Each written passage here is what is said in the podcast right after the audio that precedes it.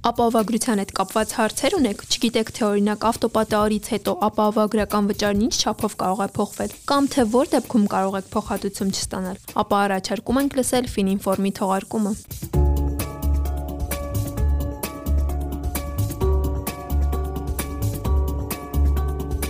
Բարև ձեզ Armenpress-ի սիրելի ունկնդիրներ։ Ձեզ հետ կրկին լրատվական գործակալության թղթակից Աննա Գրիգորյանն է։ Ֆինինֆորմի շրջանակում այս անգամ ապահովագրության մասին զրուցելու ենք Կենտրոնական բանկի ֆինանսական համակարգի կարգավորման վարչության ապահովագրական համակարգի կարգավորման բաժնի մեթոդաբան Արմինե Հովանիսյանի հետ։ Շնորհակալ եմ հրավերն ընդունելու համար։ Բարև ձեզ, ես եմ շնորհակալ Աննա հրավերի համար։ Եվ այսպես, ինչ է ապահովագրությունը։ Բոլորիս հայտնի է ավտոմեքենաների ապահովագրությունը, ուրիշ ինչ կարելի ապահովագրել։ Եթե ապահովագրության տնտեսագիտական մեկնաբանությունը տանք, ապա դա առանձին սուբյեկտների խոշոր անկանխատեսելի վնասները, փոքր եւ կանխատեսելի վնասների վերածելն է, բաշխելով մեկ անդամի վնասը հասարակության անդամների միջև եւ ժամանակի մեջ։ Ավելի པարզ ձևակերպումը կլինի, որ ապահովագրությունը միջոց է, որով հնարավոր է ծածկել անկանխատեսելի պատահարների հետևանքները կամ կորուստը։ Ապահովագրությունը դա նաև ռիսկի փոխանցման միջոց է։ Գնելով ապահովագրության պայմանագիր, անձը փոխանակում է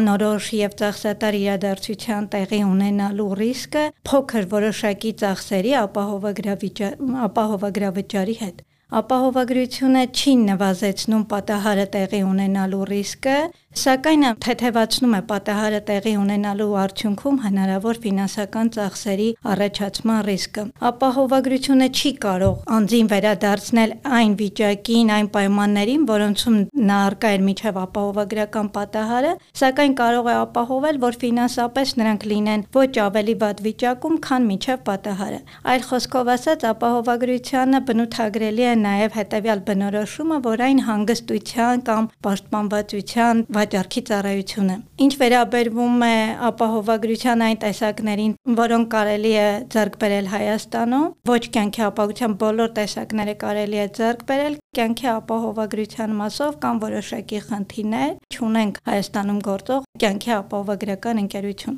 Ինչպես նշեցիք, ամենատարածված ձևը դա պարտադիր ապահովագրության հանրությանը ծանոթ ԱՊԱ տեսակն է, ավտոտրանսպորտային միջոցների սեփականատերերի պատասխանատվության պարտադիր ապահովագրությունը, իսկ կամավոր տեսակներից շատ տարածված է կասկո ապահովագրությունը, դա ավտոմեքենաների ապահովագրությունը, այն ներառում է տրանսպորտի կասկո ապահովագրությունը, այսինքն այն վնասները, որոնք պատճառվել են հենց ավտոմեքենային, ավտոտրանսպորտային միջոցին, Տարածված է նաև աջակցության ապահովագրությունը, որը ավելի շատ հանրությանը ծանոթ է որպես տուրիստական ապահովագրության անվանումով։ Տուրիստական ապահովագրությունը իր մեջ ներառում է անձի ճամփորդության կամ իրեն իր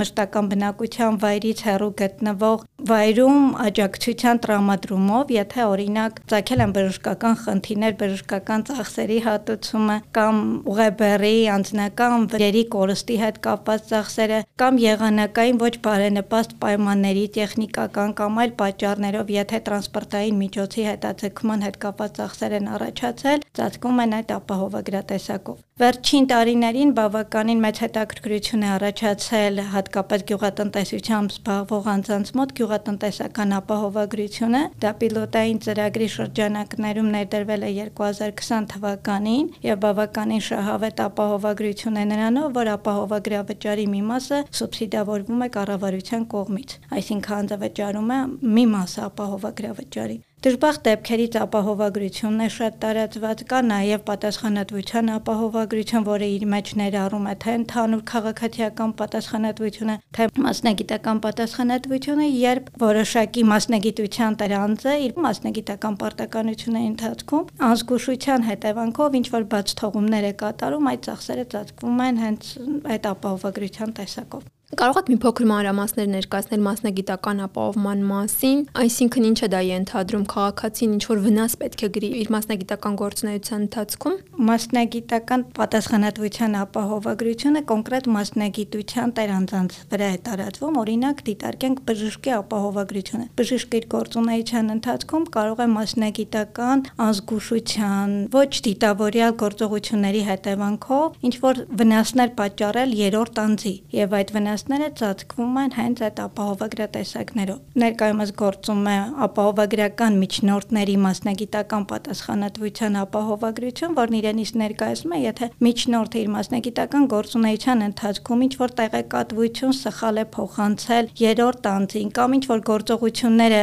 արել, որը հանգեցրել է երրորդ անձի վնասների, ծածկվում է այդ ապահովագրության տեսակով։ Իսկ Հայաստանում որ մասնագիտությունների տեր անձինք կարող են այս ապահովագրական տեսակից օգտվել։ Մասնագիտական պատասխանատվության ապահովագրություն Հայաստանում պահանջ կա նոտարների նկատմամբ, ապահովագրական միջնորդների նկատմամբ, շրջանառվում էր նաև աուդիտորների, փաստաբանների ապահովագրությունը, բայց դեռևս օրենքի ուժ չեն ստացել այդ մասնագիտությունների պահանջը։ Ապահովագրական գումարն ինչ հաճախականությամբ են մուծում, ինչպես է որոշվում այդ գումարի չափը եւ ապահովագրությունը ինչ հնարավորություններ է տալիս։ Կարելի է ասել, որ ապահովագրություն ունեցող քաղաքացին միշտ ավելի քիչ ֆինանսական միջոցներ է ծախսում, քան կծախսեր այլ հավասար պայմաններում, եթե չունենար ապահովագրություն։ Ապահովագրության գումարը դա ապահովագրության պայմանագրով սահմանված այն գումարն է, որի շրջանակներում ապահովագրողը պարտավորվում է հատուցել պայմանագրում նշված անձին ապահովագրական դեպքը տեղի ունենալու դեպքում պատճառված վնասները։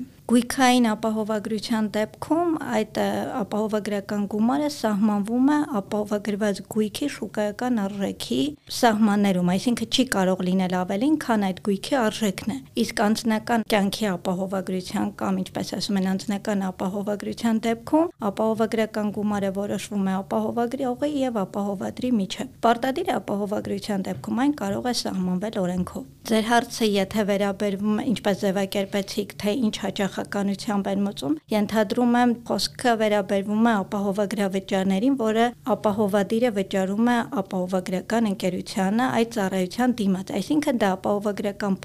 ապրանքի արժեքն է, որի համար հաճախորդը վճարում է։ Ապահովագրավճարի հաշվարկը իրականացվում է ակտուարական հաշվարկների հիման վրա, օգտագործելով վիճակագրական տվյալները, պատմական շարքերը, հավանականության տեսության մեթոդները։ Դա բարդ հաշվարկ է, հաշվարկվում է ապահովագրավ վճարի նետո, այսպես է կոչված նետո մասը, դա ապահովագրական ռիսկի արժեքն է, որին ավելացվում է արդեն ընկերության կողմից կատարված ծախսերը եւ իհարկե շահույթը։ Ճիշտ ակտուարական հաշվարկը հենց ապահովում է ապահովագրավճարի արդարությունը։ Ինչ վերաբերվում է ապահովագրության առավելություններին, ապա պետք է ասել, որ շատ կարևոր պայման է հիշել, որ ապահովագրությունը չպետք է հարստացնի ապահովադրին, այլ պարզապես պետք է վերականգնի ապահովադրի այն ֆինանսական դրությունը, որը նա ուներ միջև պատահարի ի հայտ գալը։ Մեզնից յուրաքանչյուրը կյանքի ընթացքում ձգտում է ֆինանսական, այսպես կոչված ազատության, այսինքն սովորաբար ձգտում ենք համոզվել, որ ունենք բավարար միջոցներ, բավարար խնայողություններ ֆինանսապես ազատ զգալու համար։ Բայց երբ կյանքի նայում ենք պրակտիկ տեսանկյունից, հասկանում ենք, որ այդ խնայողությունները կարող են բավարար չլինել կոնկրետ անկանխատեսելի իրավիճակների համար, եւ այս պարագայում ապահովագրությունը շատ կարեւոր է։ Ապահովագրությունը միջոց է ապահովելու թե ձեր առողջությունը, կյանքը կամ ինչպես կարելի է ձևակերպել նաև գլխավերևում տանիք ունենալու խնդիրը։ Մի շարք պատճառներ կան ապահովագրությունը ձեռք բերելու համար, դրանցից օրինակ ասե ֆինանսական կայունությունը։ Կարևոր չի թե որքան գումար ենք վաստակում կամ որքան ենք խնայում, անկանխատեսելի իրադարձության արդյունքում մեր խնայողությունները կարող են բավարար չլինել եւ ֆինանսական վիճակը վատանալ։ Որոշ անձանց մոտ դա ֆինանսական կայունության ապահովում է։ Ապահովագրությունը նաև ռիսկի փոխանցում է, երբ ռիսկը փոխանցվում է ապահովադրի կողմից ապահովագրական ընկերությանը։ Դա նաև անձի ապահովադրի եւ նրա ընտանիքի պաշտպանվածության միջոց է։ Դժվար իրավիճակներում ստրեսի եւ լարվածության նվազում է կամ չեզոքացում է, հանգստություն է եւ ի վերջո ապահովագրության որոշ տեսակներ պարտադիր են դառնում օրենքի ուժով եւ մարդիկ օրենքի պահանջները բավարարելու համար ձեռք են բերում ապահովագրություն։ Քանի որ Հայաստանում ամենատարածված ապահովագրության տեսակը ավտոապահովագրությունն է, խոսենք հատկապես այս մասին։ Հիմնականում ինչպես է որոշվում հատուցման չափը։ Հատուցման չափը որոշվում է փաստացի կրած վնասների հիման վրա։ Այդ վնասները կարող են լինել ինչպես գույքային, այնպես էլ անձնական։ Գույքային վնասները իրենց մեջ ներառում են ավտոտրանսպորտային միջոցի եւ այդ ավտոտրանսպորտային միջոցում գտնվող գույքի վնասվածքը, ոչնչացումը կամ կորուստը։ Առողջության անձ անձնական վնասների հետ կապված ծախսերը, դրանք արդեն տուժողի առաջի բուժօգնության ցույց տալու, բժշկական վերականգնողական հաստատություն տեղափոխելու, բժշկական հաստատությունում պահելու, ախտորոշման, բուժման, առողջության վերականգնման հետ կապված ծախսերն են։ Վնասի չափը որոշվում է գույքի շուկայական արժեքի հիման վրա։ Եթե գույքի լրի ոչնչացում է տեղի ունեցել, այդ դեպքում ոչնչացված է համարվում գույքը, եթե դրա վերանորոգումը տեխնիկապես անհնարին է կամ տնտեսապես չհիմնավորված է։ Օրինակ, եթե վերանորոգման ծախսերը գերազանցեն նախքան պատահարը ավտոտրանսպորտային միջոցի արժեքի 80%, այդ դեպքում վերանորոգումը անիմաստ է ստացվում։ Վնասի գնահատումը իրականացվում է անկախ ավտո ապահովագրողների բյուրոյի կողմից որակավորում ստացած փորձագետների միջոցով, որոնք հատուկ մեթոդաբանությամբ իրականացնում են այդ վնասի գնահատումը։ Եվ ավտոպատահարից հետո ապահովագրական վճարը փոխվում է եւ այդ փոփոխված վճարը որքան ժամանակ է պահպանվում։ Ապահովագրավճարը փոխվում է, բայց այն փոխվում է ոչ թե պատահարից հետո, այլ ապահովագրության պայմանագիրը վերակնքելիս։ Ապահովադիրը կրում է իրեն պատկանող տրանսպորտային միջոցի կառավարման թե դրական եւ թե բացասական հետևանքները համապատասխանաբար դրանից կախված փոխվում է նաեւ ապահովագրավճարը։ Ապա համակարգում ներդրվել է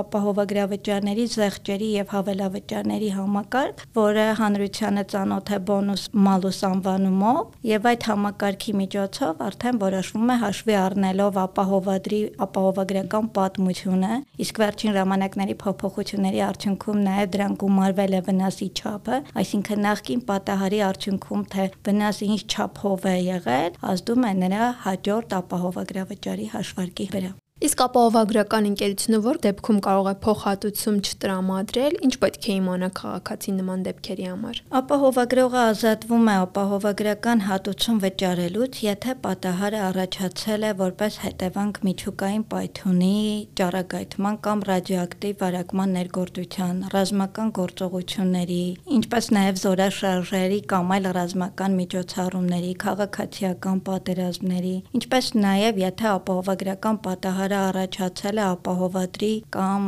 պայմանագրում նշված շահառուի ապահովագրված անձի դիտավորյալ գործողությունների արդյունքում ապահովագրության պայմանագիրը կնքելիս եթե ապահովադիրը սխալ տեղեկատվություն է տրամադրել ապահովագրական ընկերությունը կամ թաքցրել այնպիսի էական նշանակություն ունեցող տեղեկատվություն, որը կարող էր ազդել ռիսկի վրա, այդ դեպքում եւս ապահովագրողը կարող է հատուցում չտրամադրել։ Բացի դրանից, ապա համակարգում պետք է հաշվի առնել, որ կա հետադարձ պահանջի իրավունքի հնարավորություն, այսինքն եթե ապահովադիրը մեքենան վարել է ալկոհոլային թմրանյութերի ազդեցության տակ, ապա հատուցումը իրականացվում է ապահովագրական ընկերության կողմից, բայց ապահովագրական ընկերությունը իրավունք է ստանում հետ պահանջելու ասված վնասի գումարը։ Այսինքն ապահովագրական ընկերություն սկզբում վճարում է, բայց ինչ որ ժամանակ հետո քաղաքացին պարտավոր է այդ վճարը հետ վերադարձնելու։ Դա նաև վերաբերվում է այն դեպքերին, երբ ապահովադիրը ավտոտրանսպորտային միջոցը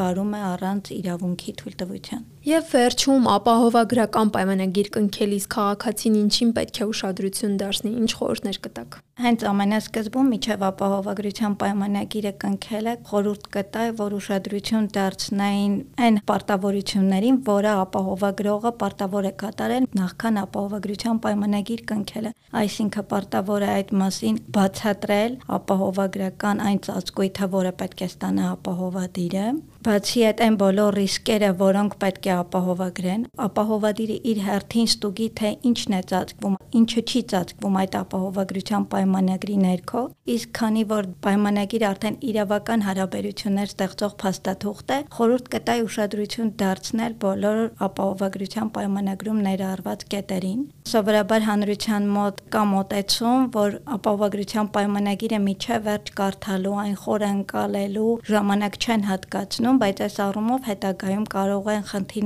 ծագել։ Մասնավորապես օրինակ երբ է պարտավոր ապահովագրավճարը վճարել ապահովագրական ընկերությանը, ինչ պարտավորություն ունի ապահովագրական դեպքը տեղի ունենալու դեպքում, ինչ պայմաններով, ինչ կարգով տեղեկացնելու իր իրավունքների ու պարտավորությունների մասին, վեճերի լուծման կարգին, Պայմանագրի յուրաքանչյուր կետը հետագայում կարող է շատ կարևոր հիմք հանդիսանալ պայմանագիրը վիճարկելու կամ խնդիրներից խուսափելու համար։ Շատ հաճախ պայմանագրերում նախատեսվում է չհատուցվող գումար, ֆրանշիզա կոչվածը դա ապահովադրի մասնակցությունն է ապահովագրական հատուցմանը։ Ապահովադիրը պարտավոր է ուշադրություն դարձնել, արդյոք ինք պատրաստ է այդ չափով մասնակցություն ունենալ հատուցմանը կամ այդ չափով պակաս ապահովագրական հատուցում ստանալու։ Շնորհակալ եմ զրույցի համար։ Ես եմ շնորհակալ։